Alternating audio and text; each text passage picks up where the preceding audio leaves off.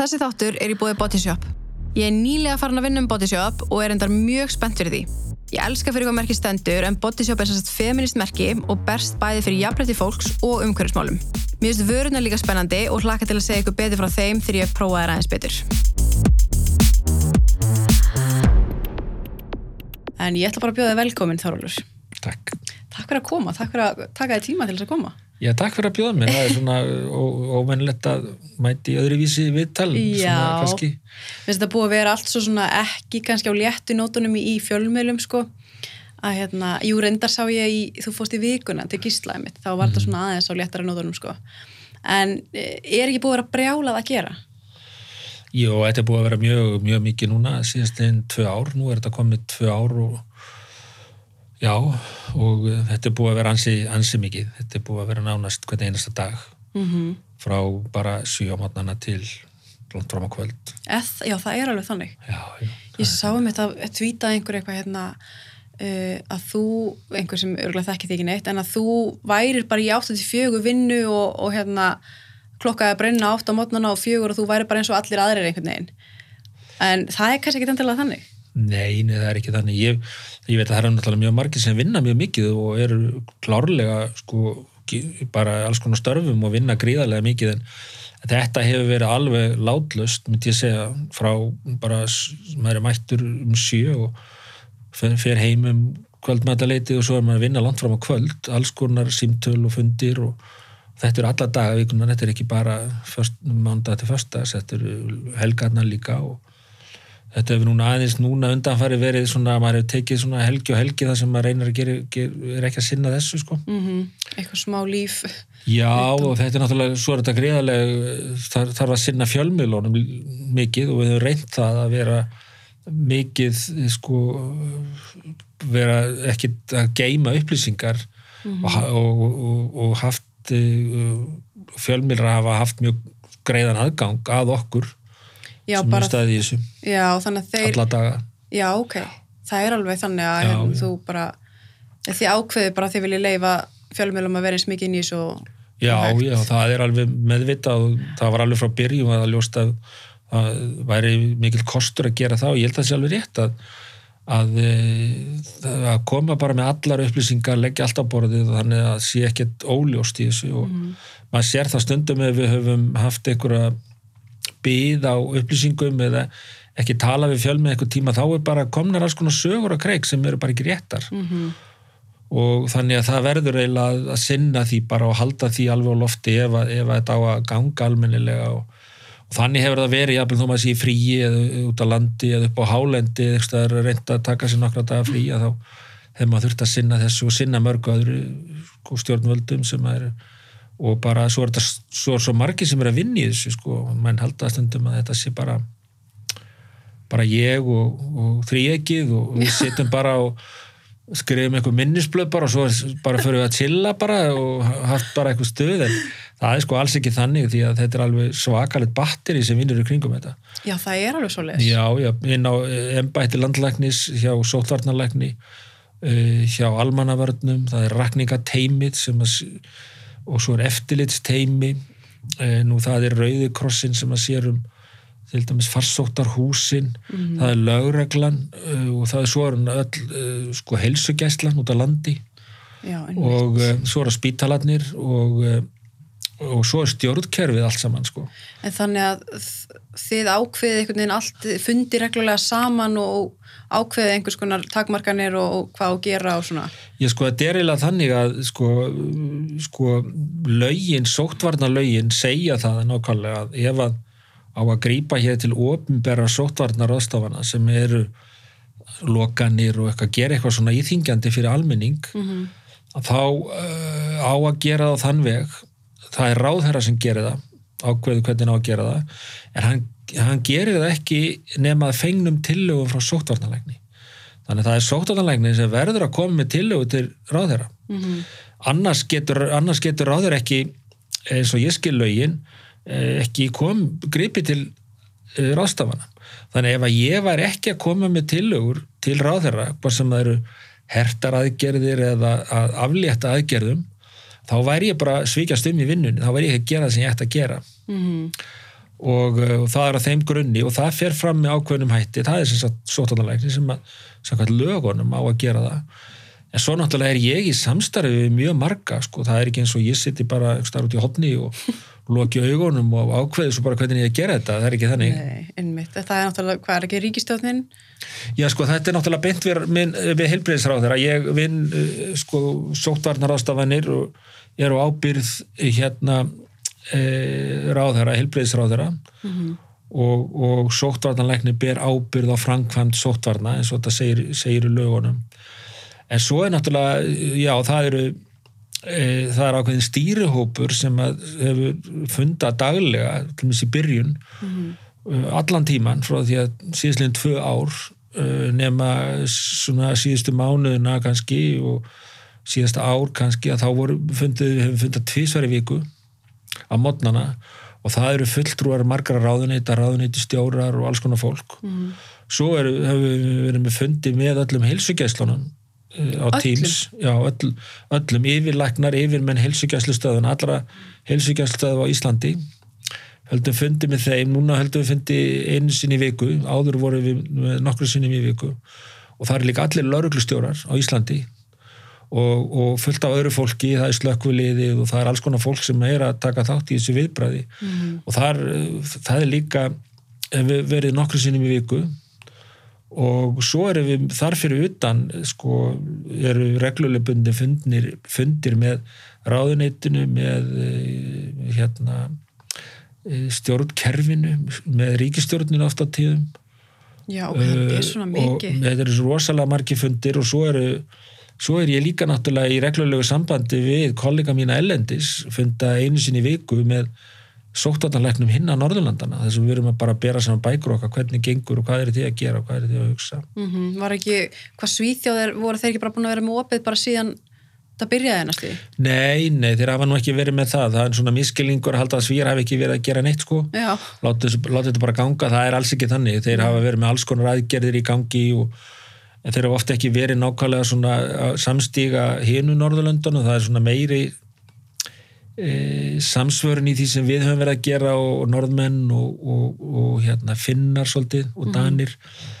e, en e, allar þjóðan hafa verið að gera eitthvað og við höfum verið að funda og svo erum við með sóttvarnastofnun Evrópu, ég er í ráðgjafa nefnd sóttvarnastofnunar Evrópu þar sem eru reglubundin fundir. Mm. svo erum við fundir með Evrópusambandinu bólusetningarhópi og alls konar hópum. Þannig að þetta eru mjög sko, mikil samskipti og samráð og og svo funda ég náttúrulega reglulega með eins og landsbítalanum, smittsjúkdómalæknum mm. sem eru bara mínir bestur áðgjafar ofta tíðum, yfirlæknis smittsjúkdómadeildar, yfirlæknis eh, hérna, síkingavarnadeildar landsbítalans, fórustumenn landsbítalans, mm -hmm. heilsugjænslein á höfuborgarsvæðinu, eh, síkla á verufræðideildin á landsbítalanum sem sérum alla greiningar. Nú íslensk erðagreiningar við komum mjög stertinn og, og, og þar ræðum við oft saman þannig að, þannig að þetta er alls ekki þannig að ég seti bara og, og hugsi og ákveði eitthvað þannig að á endanu þarf ég að koma heyri alls konar sjónamið og hlusta mm. á mhm. alls konar sjónamið og spákæri svolítið fram í tímanum mitt og... já, já, og hvaða lærdom á maður að draga svo er maður náttúrulega að funda með sínu fólki sem er að sapna allir þessum upplýsingum saman um hvernig getur við, hvaða lærdom hvernig hefur við að taka upplýsingarna saman hvaða lærdom mm. hefur við að draga upplýsingunum varandi framtíðar og hvernig eigum við svo að, að, að hérna, bregðast við það, þetta er svona kjarnin í því sem við erum að gera þannig að auðvitað er þetta ekki alveg sínilegt öllum Nei, og, og, og hérna en, en á endanum þá er það ég sem að þarf að koma með setja þetta saman nýra á blad og ég heyri alls konar sjónamið og svo náttúrulega fylgjast maður með fréttum og heyri hvað fólk er að segja og sund er skinsanlegt mm. annað finnst mér ekki skinsanlegt og svona eins og gengur og, mm. og hérna en á endanum er það ég sem er ábyrgur sem sótallanlægnir fyrir þeim endalegu tillögum sem ég kem með til, til ráðherra mm -hmm. Og, og ég auðvitað fæ ég líka ráðgjafa á mína tillögur, ég fæ kritik og komment og mínur helstu ráðgjafar eru náttúrulega, og samstagsmenn eru náttúrulega landlæknir og og svo hérna lauruglur, yfir lauruglustjóri hjá almannavörnum viðir mm -hmm. og við vinnum mjög þjætt saman og ræðum bara málinn og, og fá, tökum upp alls konar sjónamið og, mm -hmm. og hérna e, förum í gegnuð alveg reglulega þannig að, að, að þetta er heljarinn að vinna að taka þetta saman og, og, og svo verð ég náttúrulega, en ég ber ábyrð á niðurstöðinni Mhm. og ábyrð þeim tillögum sem ég kem með til ráðherra og svo er kannski ráðherra ósamala mér eða fer eitthvað, er ekki sáttur við ímislegt og þá ræðum við það og, og svona eins og gengur og reynum að komast að svona þeirri niðurstöðu sem við teljum sér skinsanlegust. En hann, hérna, heilbriðsráður hann hefur svona loka seg í þessu, eða hann tekur svona, hann segir já eða nei í rauninni.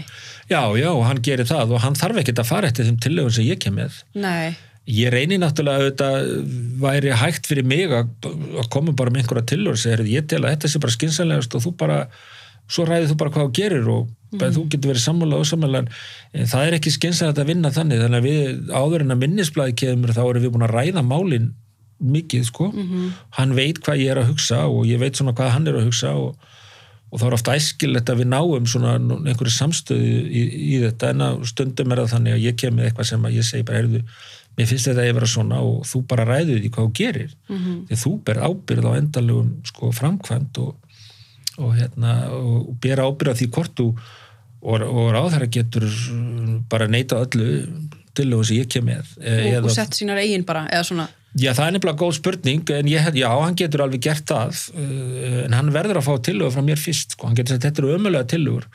Ég, ég vil bara gera eitthvað allt annað og þetta getur hann gert það.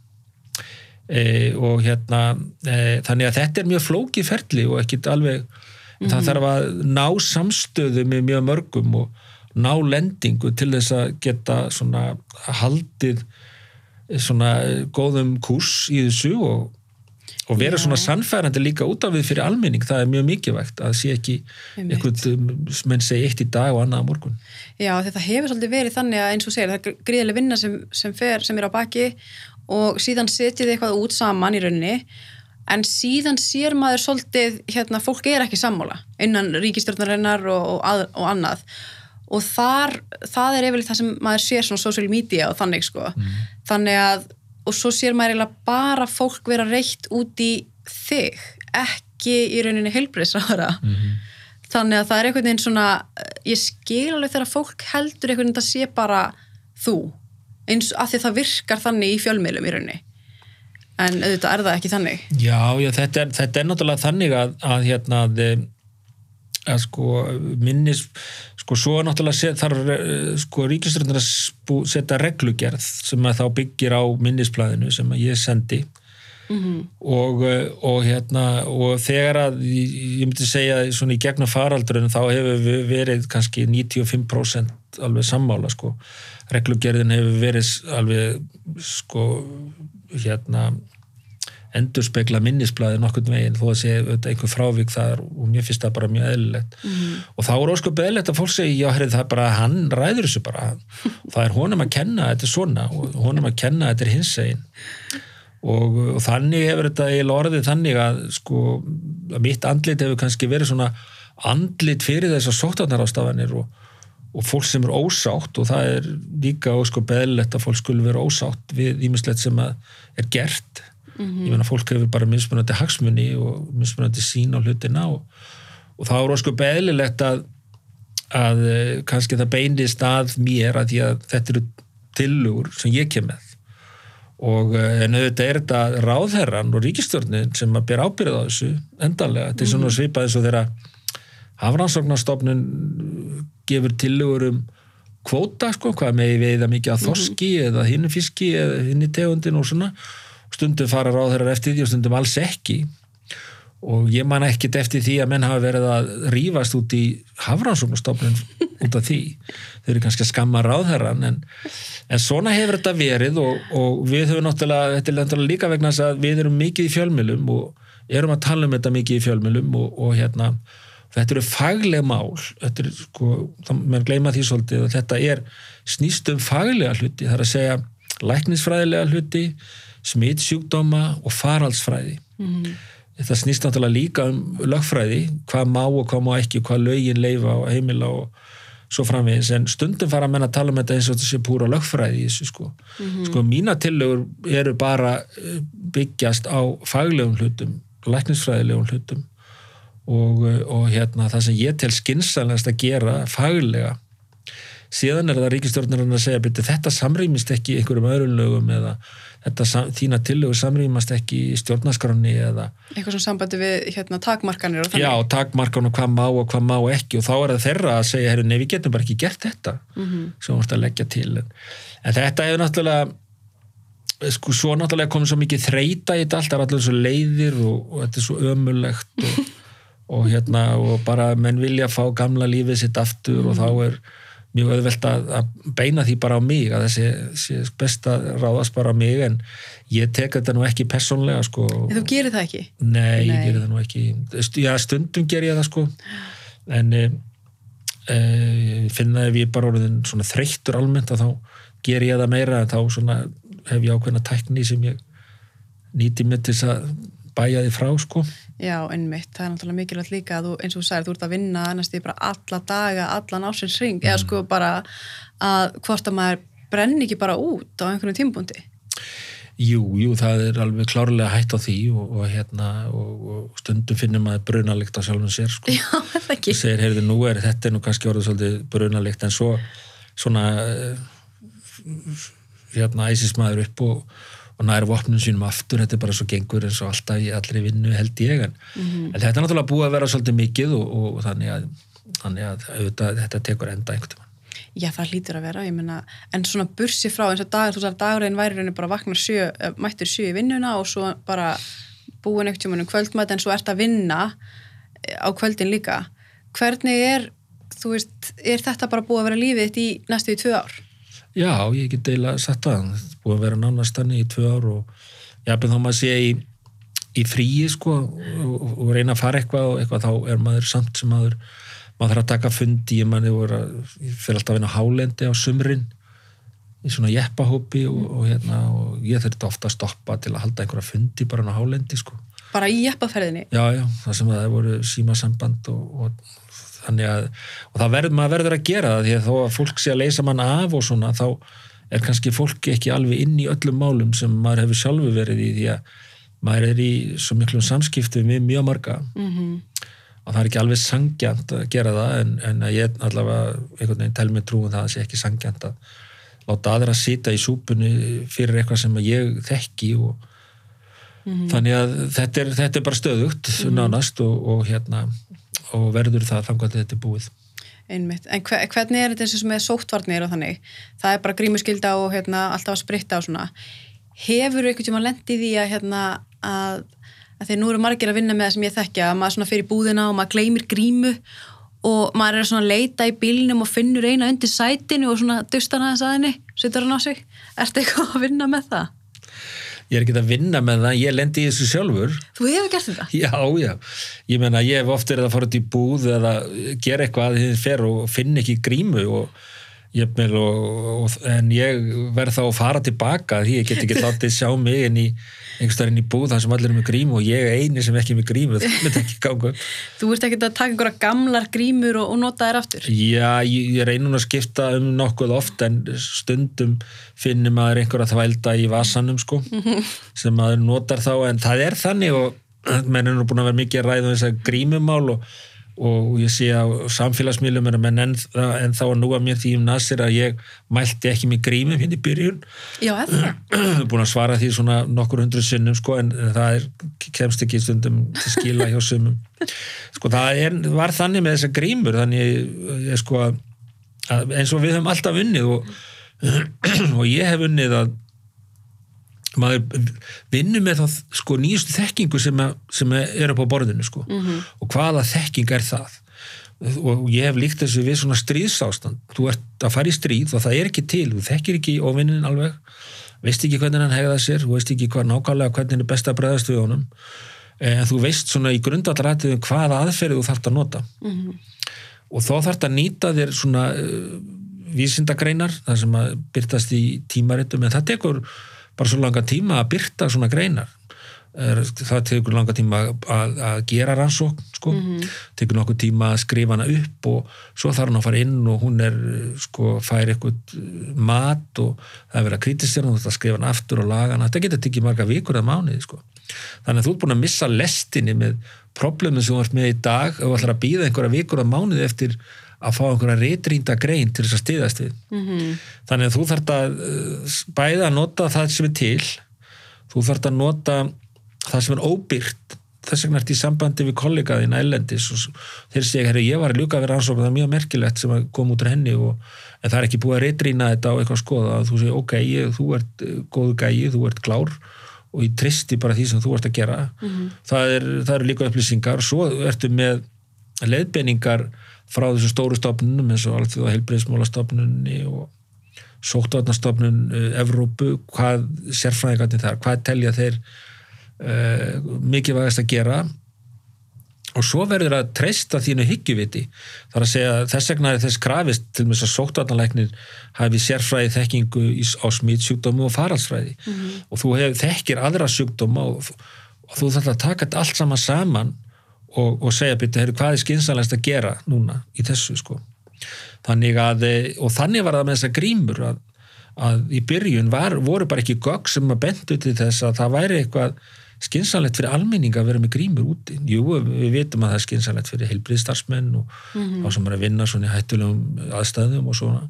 En svo fór, og þá, þá sagði ég bara, heyrðu, það er bara ekki skynsalegt, það er bara ekki gögg sem stiða það að fólk sé að nota þessi grímur og það voru jafnvel gögg sem sagði að þetta gæti stuðlað að sýkingu vegna að fólk var alltaf fíkt í grímunum og notaði ekki rétt og Já, skiptast á. sko. skiptast á og svona og, og, þá, og þá sagði ég það og síðan bara fór að koma í gögg sem sögðu í gagsta, jú það er, er skynsalegt að nota þetta og það er að gera mikið gegn Mhm. og þá skipti ég bara um skoðun það er bara þannig Mhm.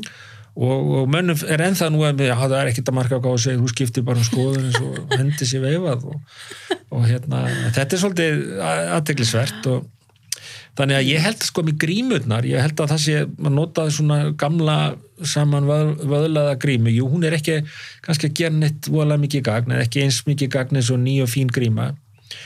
En hún er samt að gera gagn að því litinu til að hún er að gefa okkur einn skilaboð, þú ert að passa þig þú ert að hugsa um svona sóttvarnir og smittvarnir þegar þú setur og þetta leita gríminu og finnur hann og setur hann á þig að þá ertu þá ertu ekki eins sko, þá ertu meira passasamur almennt í hvað að gera Mhm. heldur en heldur en ef þú verður ekki með neina grímu ég er alveg samfærður um það Já, líka bara um þegar maður, ef maður sér einhvern einn í búðinu sem er ekki með grímu. já, já, Maður er svolítið svona, lítur, maður lítur á hann hotnauga sko. Já, svolítið sko. Að þeir allir að standa reyna að standa saman í þessu og... já, já, það var þannig í byrjun að, að það var sko mikil krafa að þeir sem hefðu fengið COVID að þeir þurfti ekki að vera með grímu.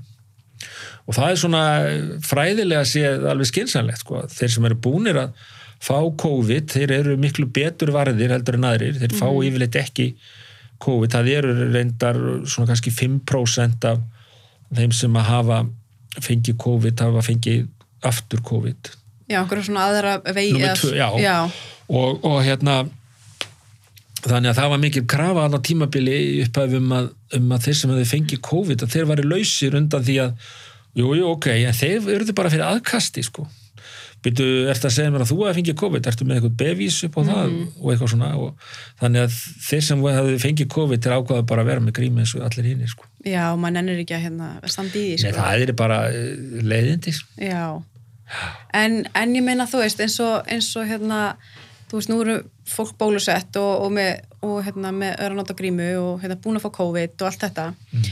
eru eitthvað, því núna hef ég séð mikið hérna þessar endalusu samsæru kenningar um, um bólusetningarnar. Mm. af hverju eh, heldur fólk að það geti einhvern veginn googlað í þrjá fjóra daga og verið síðan sérfræðingar? Hvaðan er eitthvað til í samsæriskenningum? E, stuttasvarið er, er nei sko. Mm það er bara eh, ótrúlega samsæriskenningar uppi og, og, og, og, og rángtúlkanir og, og hérna ég er búin að standi í þessu mjög lengi. Ég er nátt, að, að, í grunninn er í barnalæknir -hmm. og smittsjútumalæknir og tók svo doktorsprófi í faraðsfræði eða líðhelsuvístum hér. Og ég er búin að vera yfir, yfirlæknir bólusetninga hér á Íslandi síðan 2002 þannig að ég er búin að standa í þessari baráttu með bólusetninga mjög, mjög, mjög lengi. Og það er alltaf við alltaf sama fólkið og það er nánast hvað, hvað, hvað er sagt og hvaða sannindi er, maður kemur með á borðið það er bara, það er ekki hlustað sko. Nei, e, þannig að það eina sem að fólk hefur oft rétt fyrir sér í því að það er ofta ekki vitað mjög mikið, eða nægilega mikið kannski um bólefnin þegar þau- maður byrjar að nota þau. Og það getur alveg verið til í því að, að, að það þyrti eh, sko kannski aðeins stærri og viðameiri rannsóknir en hins vegar náttúrulega eru ákveðin sko skilirði fyrir því að, að, að megi selja og markasetja bólefni og það eru stopnarnir eins og í, í svo leifjastofnun Evrópu fullt af sérfræðingum óháðum fólki sem fer í gegnum það. Gegnum rannsóknirnar, hvernig eru að gerðar skoðar öll gögnin fyrir gegnum það er eitthvað svindli eða eitthvað sem er tortryggi við eitthvað sem að, þetta er að tortryggja. Áður en þetta má áður en það má fara bólusetja. Og það er besta trygging sem maður hefur fyrir því að, að nýtt bóluefni hafi farið í gegnum svona vísindalegt ferli og maður geti treyst eh, bóluefni sem vel eins og hægt er. Er það garanti fyrir því að það geti ekki komið upp einhverjar mjög sjálfgjafar aukaverkanir? Nei, það er ekki. Því að eh, sko rannsóknir sem eru gerðar á bóluefnum áður en þau eru markasett eru kannski gerða á einhverjum þúsundum eh, einstaklinga, þúsundum barna, tíu þúsund manns kannski tvö þúsund manns og, eh, og það, en það er miklu meira heldur en bara við önnur líf til dæmis sem við verum að taka. Þegar við verum veik, það er gerða meiri kröfu til bóluefna um að varðandi öryggi og rannsóknir heldur en, heldur en allra andra að lifja Já, bara upp að því það er verið að sprauti í mann Já, einhverju. það er verið að sprauta börn og það er verið að sprauta heilbritt fólk og svona og, Mhm. og þess vegna eru gerða meiri kröfur. En það eru líka gerða kröfur að það sé fylst með aukaverkunum sérstaklega eftir að byrja að nota bólefnin. Mhm. Þess vegna er það skilda á heilbriði starfsmönnum og raun veru öllu til, öllum að tilkynna um aukaverkanir ef eitthvað kemur upp á og það er raun og verið sama hvað það er að þá bara getur þið tilkynnta og sagt ég að ég var bólusettur í gær og í dag lendi í bílslisi og ég held að það sé út af bólusetningunni og þá getur þú bara tilkynnt það og, og þannig hrannast inn alls konar upplýsingar um bóluefnin sko. Og síðan eru það fólk sem að fer yfir þetta og segir byrju, að bílslis bólusetning, nei það er nólíklegt að það, það passar ekki. Þannig getur, þannig getur sko, bólusetning ef þú bólusetur alla þjóðina á stuttum tíma þá tengist það mjög mörgu sem að sem að, sem að, sem að fólk gerist hjá fólki. Og þá þarf ekkert endilega að tengjast sko bólusetningunni. Nei, nei, nei. því að þú, það er ekki eins og þú bara ég það að vera bólusettur og þú sleppir við að fá botlangabólgu eða kvef eða, eða eitthvað annað sko.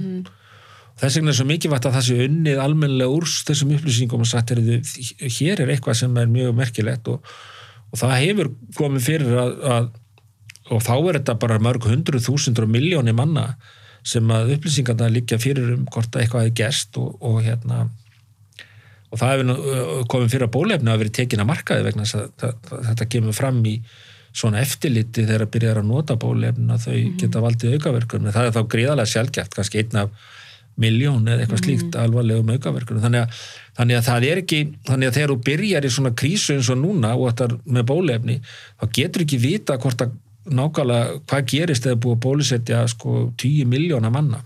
Mhm. þú getur ekki vita það nema, nema bólusetja 10, mil, Já, 10 já. miljóna manna. Og myndi, mynd, maður hugsa sko, myndi livjafyrirtæki eða þessi fyrirtæki sem eru búið til, myndi þau uh, fara með eitthvað í umferð sem væri eitthvað hættulegt, þú veist, væri þau ekki frekar til að fara með eitthvað sem þau væri ekki viss hvort það virki en er kannski ekki endilega hættuleg? Þú veist, þekkja þau ekki efnin nokkuð vel? Jú, jú, það, það er búið alveg þraut rannsaka öll efni sem er í þessum bólefnum og, uh, og, og það er fylgst alveg svakalega vel með þessum fy- fyrirtækjum Mhm. og, og það að einhver sé að svindla auðvitað getur það gerst en það er bara eitthvað sem er mjög sjálfgæft og, og hérna ég hef tekið þátt í svona rannsók gert svona rannsóknir sjálfur hérna á Íslandi bólus- bólusetningarannsók sko Já, ok. á, á, börnum og það var alveg svakalega strangt eftirlit það sem að þurfti að skrá og það komi aðilar frá fyrirtækjunni sem að fóri yfir öll gögnin og skoðu allt og eitthvað var misræmi í einhverju þá var það rekið onni mann alveg strax býta akkur er skrifaru svona þarna en ekki þarna og þetta er eins nákvæmt eins og mögulegt er. Þannig að þannig að eh, sko eh, maður getur haft alls konar skoðan á þessum bólusetningafyrirtækjum að þau séu að, að vilja græða og, og séu svona einhverju kapitalistar og eitthvað svona og, en, en þau eru ekki að svindla svona fræðilega og á niðurstöðum það er það er, þetta er verið að gest en það er sko, það er nánast sko fáhert að það gerist. Já, já.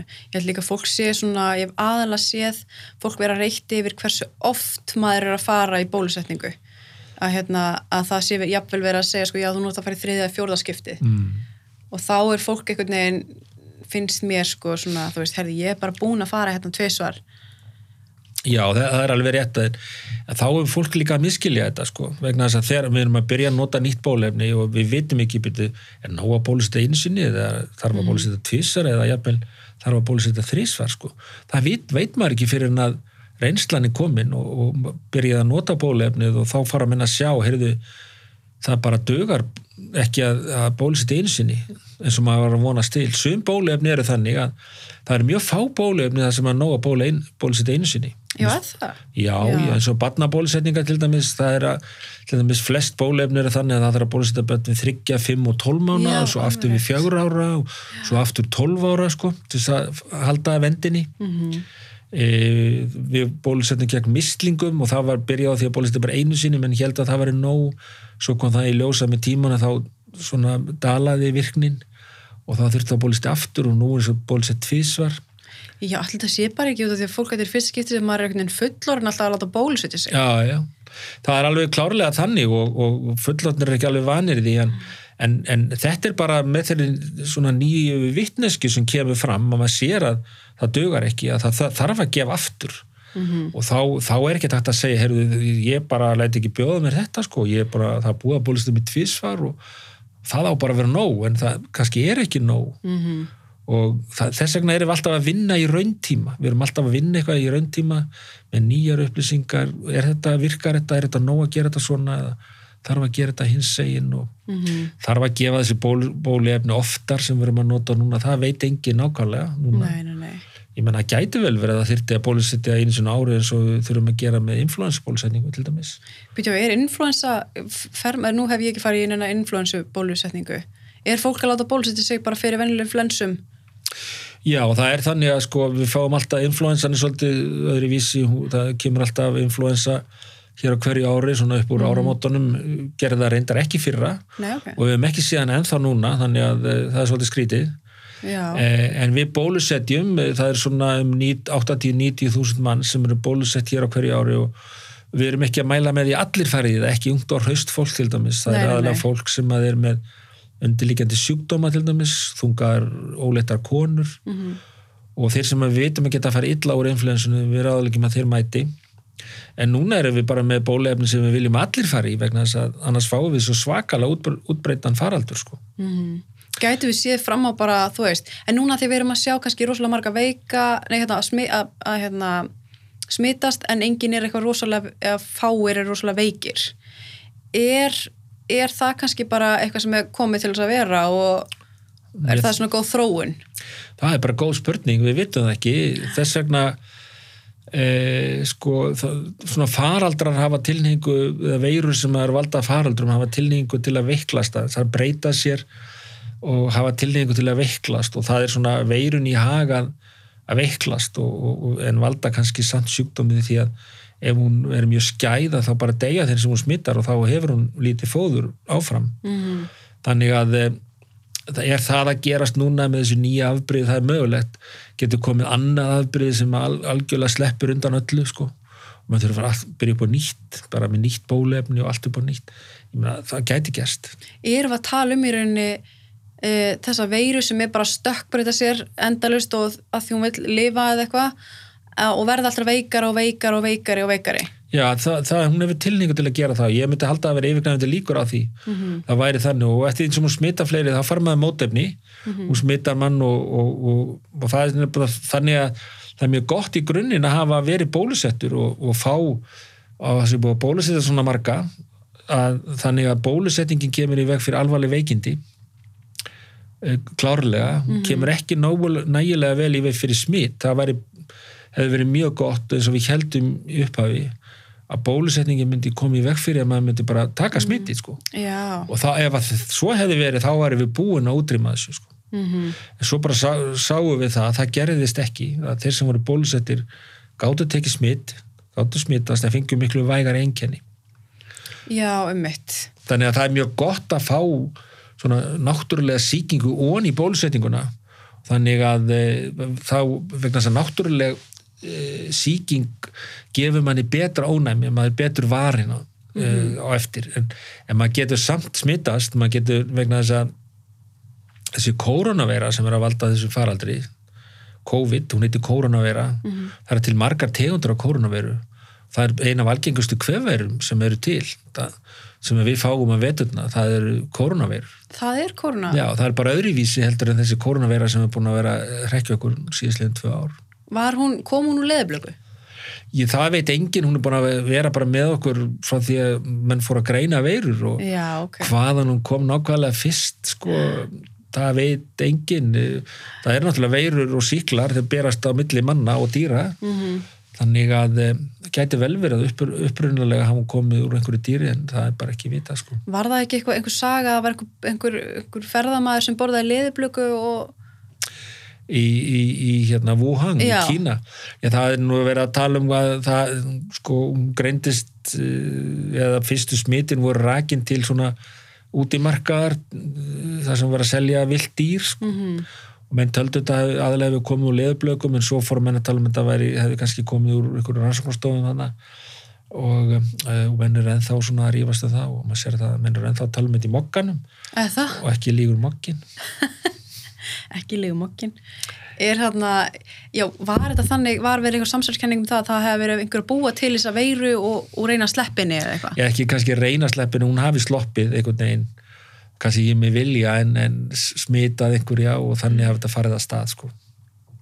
það er svona sam, samsæriskenningin í þessu Ég hefur það verið til að, hérna, að það er einhver ansaknastofa sem býr til veiru til þess að nota það sem vopn. Já, já, það eru til uh, sko, og, og hérna bakteríur mjög hættulega bakteríur sem að það eru til dæmis eins og til hérna sko uh, bólusótt bólusótt að vera sem er mjög hættuleg Erum við ekki smitandi. fyrir... Nei, það var það einu sinni að það er hætt Já, það er ekki til gott bólefni við því og, og hún er sennilega útdauð í heiminum svo veira en, en hún er til einhver staðar hann að menn eru loðandi hrættur um að hún geti farið að stað aftur.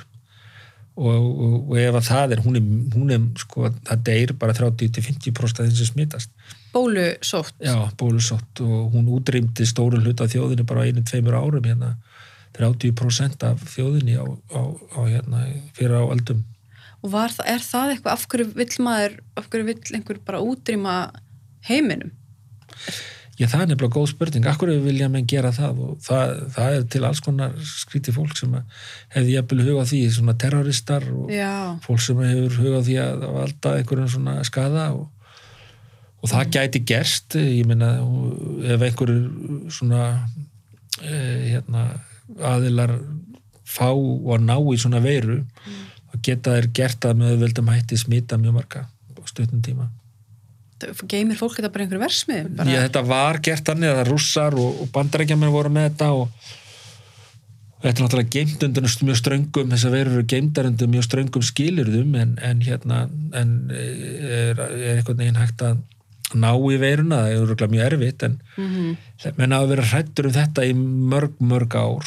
Og svo náttúrulega eru aðrar veirur eins og ebólaveiran í Afríku sem að kom upp uh, úr, úr uh, líka úr, úr, talið úr leðublökum og, og, svo, og öpum smita menn, en það er alltaf öðruvísið þú ert að vera í mjög nánum kontakt snertingu við blóðið eitthvað frá einstaklingi smitu til þess að smitast. Þetta er ekki svona smitandi eins og eins og, eins og koronaveiran þannig að það er til fullt af svona veirum og svo eru til bakteríur og alls konar hlutir sem að geta verið mjög skadalegir Mhm.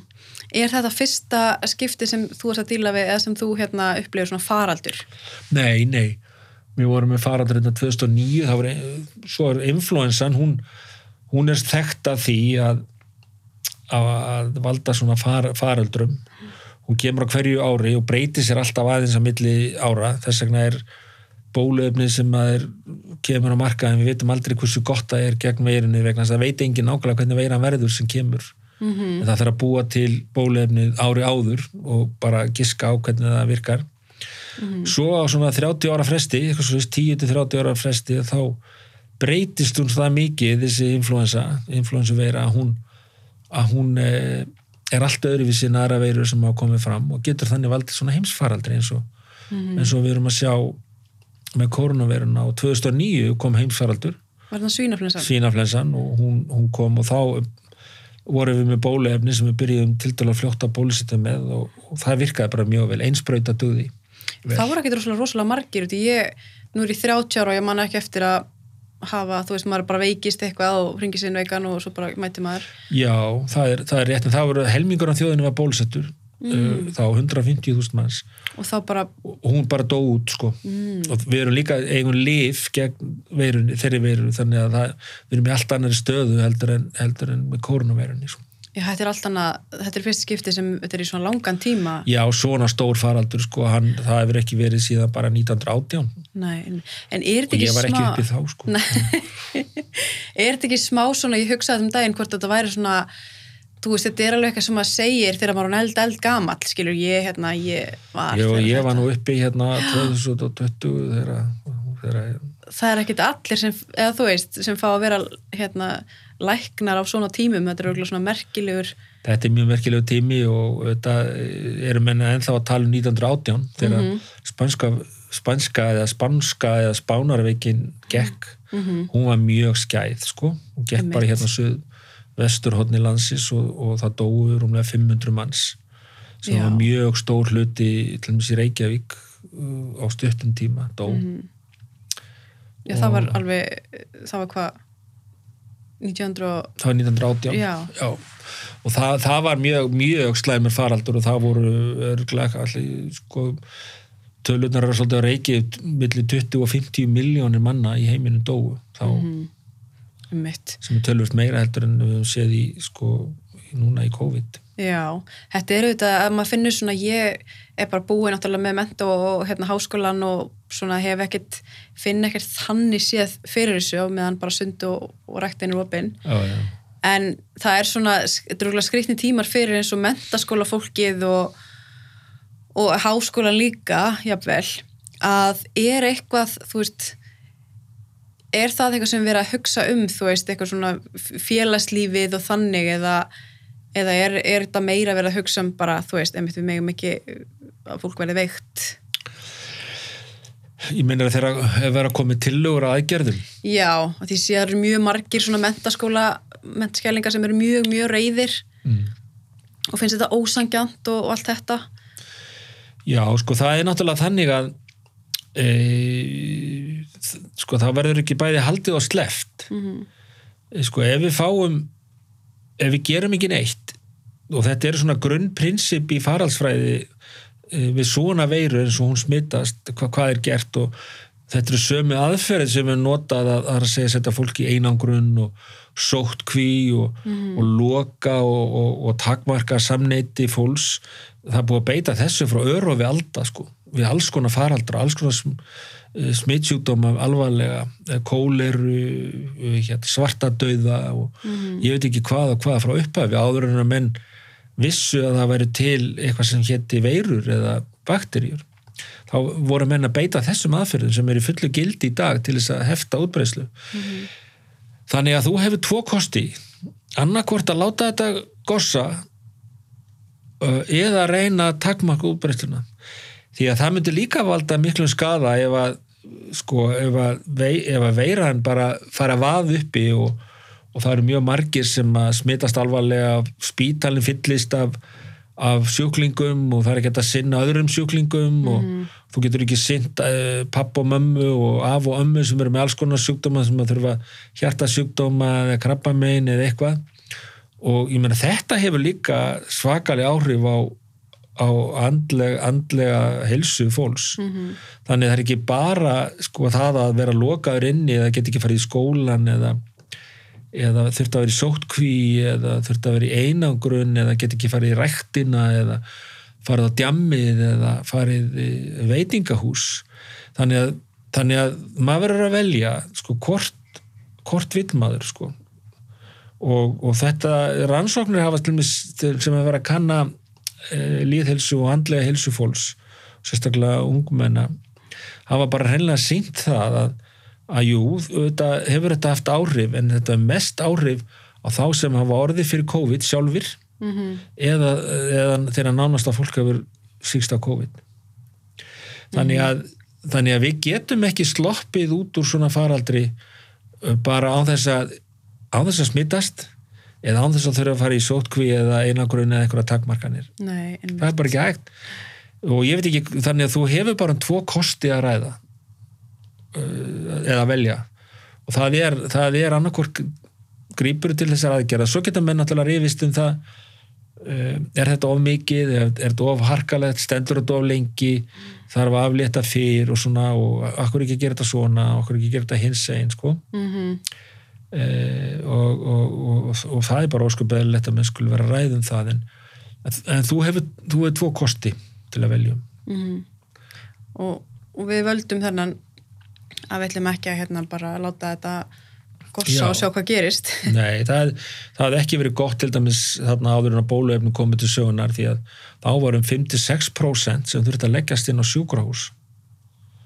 Uh, og hérna og, og um svona uh, já, kannski 10% af þeim þurfti að leggjast inn á gjörgjæslu Mhm. þannig að þú ert með eh, sko smittsjúkdóma sem að smittar alla í samfélaginu og gerist hratt eða farið allt í einu smit upp á 50.000 manns það getur Já. bara reiknað hvað er, hvað er 5% af 50.000 það er ansi stór tala en þannig að við erum svona en eins og ef við erum núna að sjá þú veist eiginlega enga, ekkert fólk sem er að leggjast inn á spítala og allir eru að verða svona til að bara kvef og allt í góðu að eru þessar aðgerðir rauninni bara til þess að fyrirbyggja það ef við, ef við fáum síðan veiru sem allt í hennu verður slæm? Nei, sko, við erum náttúrulega búin að vera með þetta ómikrona núna síðan í desember og það byrjaði svona í, í, hérna fyrir partinu að desember og, og, og svona sérstaklega eftir kannski miðjana í lók desember hefur það verið svona nánast allsráðandi þannig að og sama tíma hefur þetta delta-afbríði verið líka að ganga sem er, er eh, sko veldur alvarlegri sjúkdómi heldur en omikron mm. þannig að menn vissi ekki nákvæmlega fyrst, fyrir það fyrsta hvernig bólefni myndi virka og svo í annarsta hvernig sko, hva- fáum við alvarleg veikindi? Fáum við alvarleg veikindi hjá börnum eða fullornum eða hvernig verður þetta? Mm og, og, og það hefur tekið svolítið tíma bara núna að, að sjá byrju, hvað, hva, hvernig er þetta? Og þá kemur það bara í ljós að meðan vorum þetta ómikronabriði og, og svona miklar bólusetningar þá var kannski mill 1 og 2% sem þurfti að leggjast inn á spítala af þeim sem að eh, veiktust ómikronabriði minna, það er kannski 0, það var talað um 0,5 en það er sennilega minna, það er sennilega 0,23% sem þarf að leggjast inn sem erum ómikrón og þá fórum við líka að slaka á. Þá fórum við að, og við erum byrjuð í því ferli -hmm. að slaka á en, en 0,2% af af stórri tölu við erum núna með eh, hvað, hvað 12-1500 manns á dag sem að smittast Mhm. þannig að við erum með á hverjum degi svona 4-5 innlagnir á spítalan en það, það er bara þeir stoppa ekki lengi og verða ekkit alvarlega veikir og það er kannski 3-4-5 sem að útskrifast á móti líka Mhm.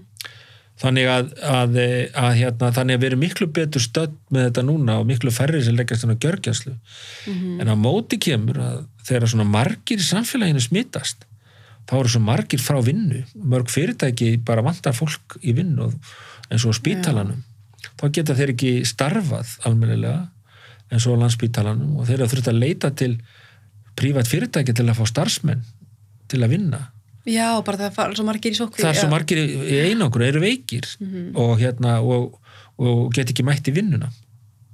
Þannig að það er líka ógn og þetta er að verið að sjá sko í mörgum fyrirtækjum heilbriði stopnunum og, og hérna og það er á þeim grunni sem að landsbítalinn fór á neyðastig þeir þurft að kalla til fólk og þetta loka í klínikinni og loka í fleiri stöðum til þess að geta hjálpa landsbítalanum með starfsmenn. Mhm.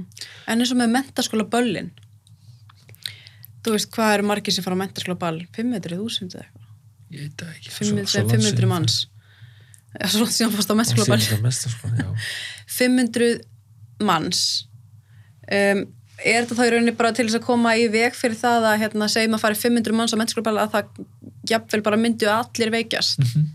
Já, Akkurat, það var það fjölmörg dæmið það hér- hérlendis og ellendis að það var bara haldið eitt svona partí eða kannski þessu, sérstaklega þekkt að normenn skrifið um það það var hundra mann sem að hittust í einhverju veistlu sko í Noregi Mhm.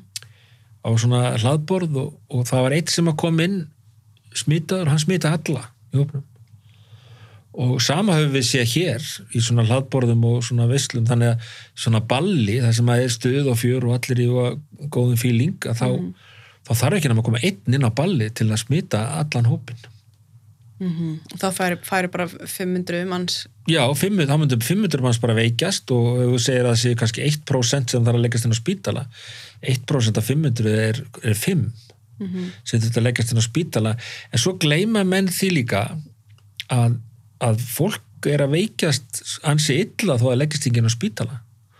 COVID-gungudeildin upp á landspítala sem fylgist með öllum sem að smitast þeir eru kannski að sjá inn á gungudeildinni 20 manns á dag sem eru að fá alls konar líf, eru að fá vökva í æð eru að fá veirulíf og eru kannski að koma á nokkra daga í röð en þurfi ekki að leggjast inn þetta er kannski fólki sem maður heyrir ekkit um eða heyrir ekkert um það, þetta fólk og þetta er fólk sem leggst ekki inn en er ansi veikt. Og svo er líka jafnvel fólk sem þarf ekki að fara upp á COVID-göngudeldina sem er bara mjög lengi að ná sér. Og er með svona, og það er það sem menn er svona áhyggjur að með þetta COVID er þetta long COVID eða langvarandi áhrif af COVID sem að fólk er með eh, sko síð, síþreitu í marga, marga mánuð og ár jafnvel eftir, eru með skerta lúnastarsemi skerta mm. hjartastarsemi og, og, og hérna veiran eins og hún var eh, getur farið jafnvel í nýrun og fleiri líffæri. Þetta var meira með þessu omikronabrið þá er þetta miklu minna um þetta. Já, þess vegna getum við líka sætt okkur við miklu fleiri smiti í samfélaginu heldur við gátum áður. Já, við vorum alltaf að hugsa bara það er 100 smit og það var allir að Já, frika já, út. það var 10-20 sko og það var allir bara fóru á lím, úr límingunni. Já, en, en, en þá sko en með því að hafa gert þetta svona eins og við höfum gert þetta þá höfum við líka sko mælikvarðin á hvernig hefum sloppið út úr faraldrinum er að segja bara hversu margir hafa dáið sko. Mhm. og, uh, og hérna það hafa, við höfum það hafa um, ætlaði að segja ekki eitthvað 40, millir 40 og 50 50 manns látist í faraldrinum Íslandi. á Íslandi. Já, og sem er miklu minna hlutfallslega heldur en í uh, öllum hinu Norðurlandunum til dæmis. Mhm. og svíjar til dæmis eru svona 10-15 sinnum hlutfallslega fleiri en við. Þeir náttúrulega skildu þarna allt eftir opið í smá tíma. Já, þeir voru gripu ekki til harkalega aðgera upp að við og vildu láta þetta ganga til að ná þessu hjarðónæmi sko, þessu ónæmi í samfélaginu svolítið og, og hérna en það er ekki sangjant að vera að bera sama þjóðir því að það er bara aðstæður er svo mismunandi og svona margt að það að maður að passa sig á því. En, en, em, en það eru alls konar afleiðingar sem að við þurfum að viðkenna að geta gerst og, og þá er það bara spurningin viljum við, hvað viljum við gera til þess að reyna að forða því? Mhm.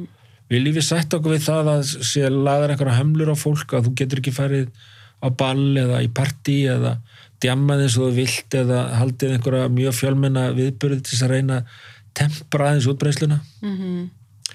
Þa, það er stóra spurningin. Já, ég held, ég held líka hérna, að fólk er kannski það heyrir ekki oft þetta sem þú ert að segja núna og það veit einhvern veginn ekki hvað er á baki eða hvað, af hverju og það, líð, líður oft eins og það sé bara hérna, verið að reyna eðilegja og reyna að skemma og, og svo leis en auðvitað er það náttúrulega ekki tannig og, og, hérna, en það er samt leiðilega stundum að lesa þú veist hvað, hérna, hvað fólk er reitt. Já, já. þú fólk vill ofta ekki heyra þetta heldur. Ég, ég menna við erum búin að, ég er búin að hamra þessu alveg endalust frá því að faraldinu byrjaði, við erum alltaf að tala um þetta aftur og aftur og aftur.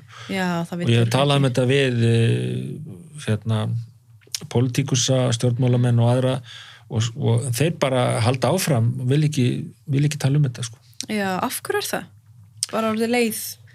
Já, ég meina fólk er bara með, með mismunandi forgangsröðun Mm, sem það vill og, og, og, og ég hef ekkert um það að segja eða nei, nei. ekkert eh, slæmt um það að segja en þetta er það bara þannig að sumir vilja forgangsræða því að hafa frelsið Mhm. og, og, og, og eru bara mjög ansnúni því að beita einhverjum og, og hérna og hafa þá afstöðu og, og það er bara ég skil það alveg en, en að móti kemur þá hvernig náttúrulega á þá að, á að eh, hvernig á þá að forgansraða heilbriði og þessum alvarlegum afleðingu sem er komið til með að sjá mm.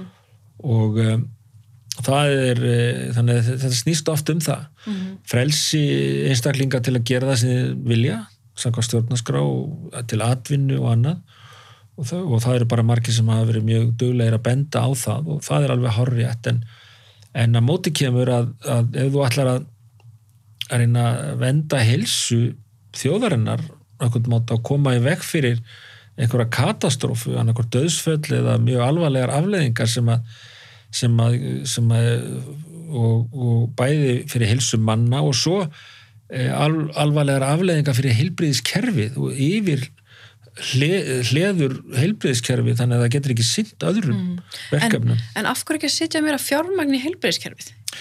Jú, jú, það er bara góð spurning og af hverju hefur það ekki verið gert mm. og menn er náttúrulega ofta að tala um það.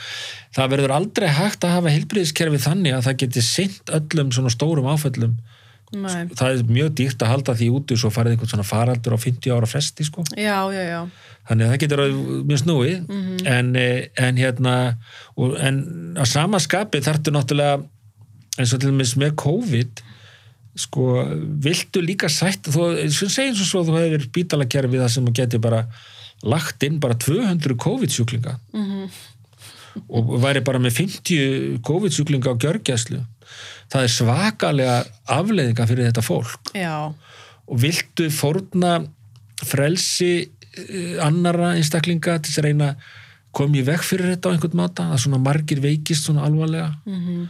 og fái svona alvarlegar afleiðingar það er bara stóra spurningin og ég held að menn eigi eftir að velta þessu fyrir sér núna á næstunni þegar menn fara að gera upp þetta COVID sko, mm -hmm. hvar liggja mörkin á milli frelsis frelsis einstaklinga, frelsi þjóðarinnar, frelsi hópa, frelsi til uh, bara atvinnu og gera það sem þú vilt gera eh, versus að, að, að, hérna, að koma í veg fyrir uh, helsufars áfall. Mm -hmm. Hva, hva, hvar liggja mörgin? Svo er líka fólk að velta fyrir sig en hvað með þú veist eins og andleg helsa, hvort að hún fá ekki líka að að hérna, hvort þetta bytni ekki á henni Okkar en e, líkamlegri? Og ég sko, mikil veikindi koma líka á andlega helsu mm -hmm. það kemur á þeirri andlega helsu ef að fjölskyldaðin fer illa út á COVID, hvort einhver þér nákominn deyr eða veikist mjög illa með, með alvarleg örkuml eftir smitt Já, fólk það, að missa vinnuna missa vinnuna, og... alls konar hlutir sem koma upp á vegna smittana mm -hmm. að það veldur svo sannarlega andlegum uh, áfællum og svo náttúrulega er þessi andlega áfæll út af, út af þessum takmörkunum. Mm -hmm. og hvernig ætlar að sigla hann að milli og hvaða öngstræti ætlar að sigla þannig að þú, þú, þú sleppir sem best út úr þessu? Það er ekki það er engin sko ein lína til í því. Nei, ætli, ætli ríkisinn fari ekki bara að setja meira fjármagnin sjálfræði þjónustu og... Já, ég, það held ég að geti alveg vel verið að, og svo náttúrulega er þetta fjárhæslega tjón sem að mm -hmm. bæði vegna útbreytra smita og svo náttúrulega vegna eh, hérna, atvinnumissis og annara hluta sem fólk lendir í en þetta er ekki náttúrulega sér eh, íslenskt fyrirbæri þetta er náttúrulega fyrir, þetta er bara heims sko, þetta er allstaða sama sama upp á teningin sko. mm -hmm. þannig að, þannig að einhvern veginn þurfum við að sjá heildarmyndina og einhvern veginn þurfum við að reyna að koma sem best út úr þessu þannig að sé minnstur skaði allstaðar mm -hmm. En svo fer maður líka að pæla eins og með, eins og með andlega hilsu og veginn og bara samfélagið og orkunni í samfélaginu og eins og þú sagðir áðan það er svo mikilvægt að við einhvern veginn séum svona saman í þessu því að það er enginn að reyna að vera á móti neinum, við erum alltaf bara að reyna að lifa saman í samfélagi. Ef bara, hvort að hver og einn get ekki líka bara aðeins svona litið inn á við og bara þú veist reynda einhvern veginn að, að þú veist, við erum ekki alltaf með þessa neikvæðni og hérna að því hún hjálpar henni ekki neitt Nei, nei, það er alveg á rétt og, og ég held að það vitið allir en það er bara neik, erfitt mm. að hemja sig fyrir suma og Já. svo er bara náttúrulega þannig að fólk er mismunandi og hvað er þið gert og fólk hugsaður mismunandi og, fólk á stundum dold erfitt með að setja sér spór annara og hugsa mm. bara um það sem að því er næst og hvernig er að gera hluti og, og, og svona krísutímum þá, þá kemur það fljótt upp.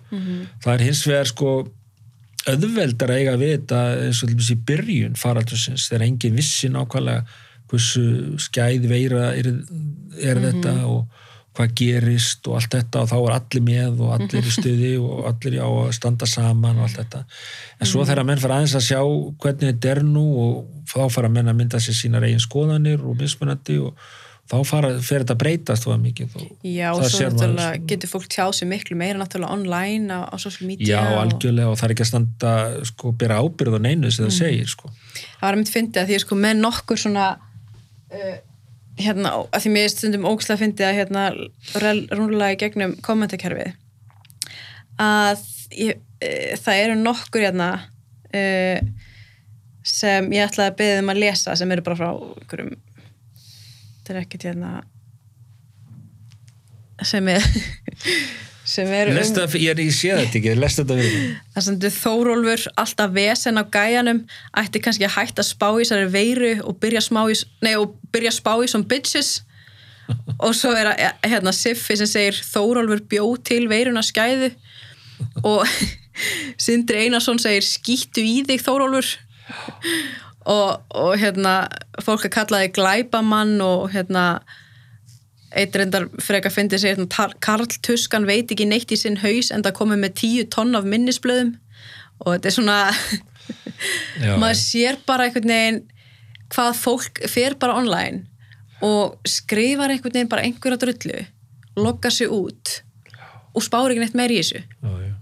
þetta yfirleitt eru bara eitthvað svona litli krakkar sem eru, þú veist, veit ekki neitt en ég hugsa stundum sjálf sko, því að svo sé ég rosalega mikið svona kommentum sjálf á mig líka.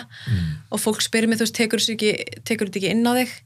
Það er eiginlega ekki hægt. Þetta er svo þetta er svo, hérna, grillað. Já, sko, svona komment er náttúrulega bara eitthvað svona út í lofti sko, sem að fólk gerir bara einhverju ég veit ekki hvað á að segja og ég hef oft sagt sko að þegar maður, ég er nú ekki mikið að fylgjast með þessu ég tók þá ákvörðum til til að snemma að vera ekkert stundum fer ég að skoða þetta en, en það er yfirleitt byrjar þannig að menn byrja með eitthvað svona og svo eru þeir sem eru að gefa kommentinu farin, farin að rífast innbyrði sko og, og drölla hver yfir annan.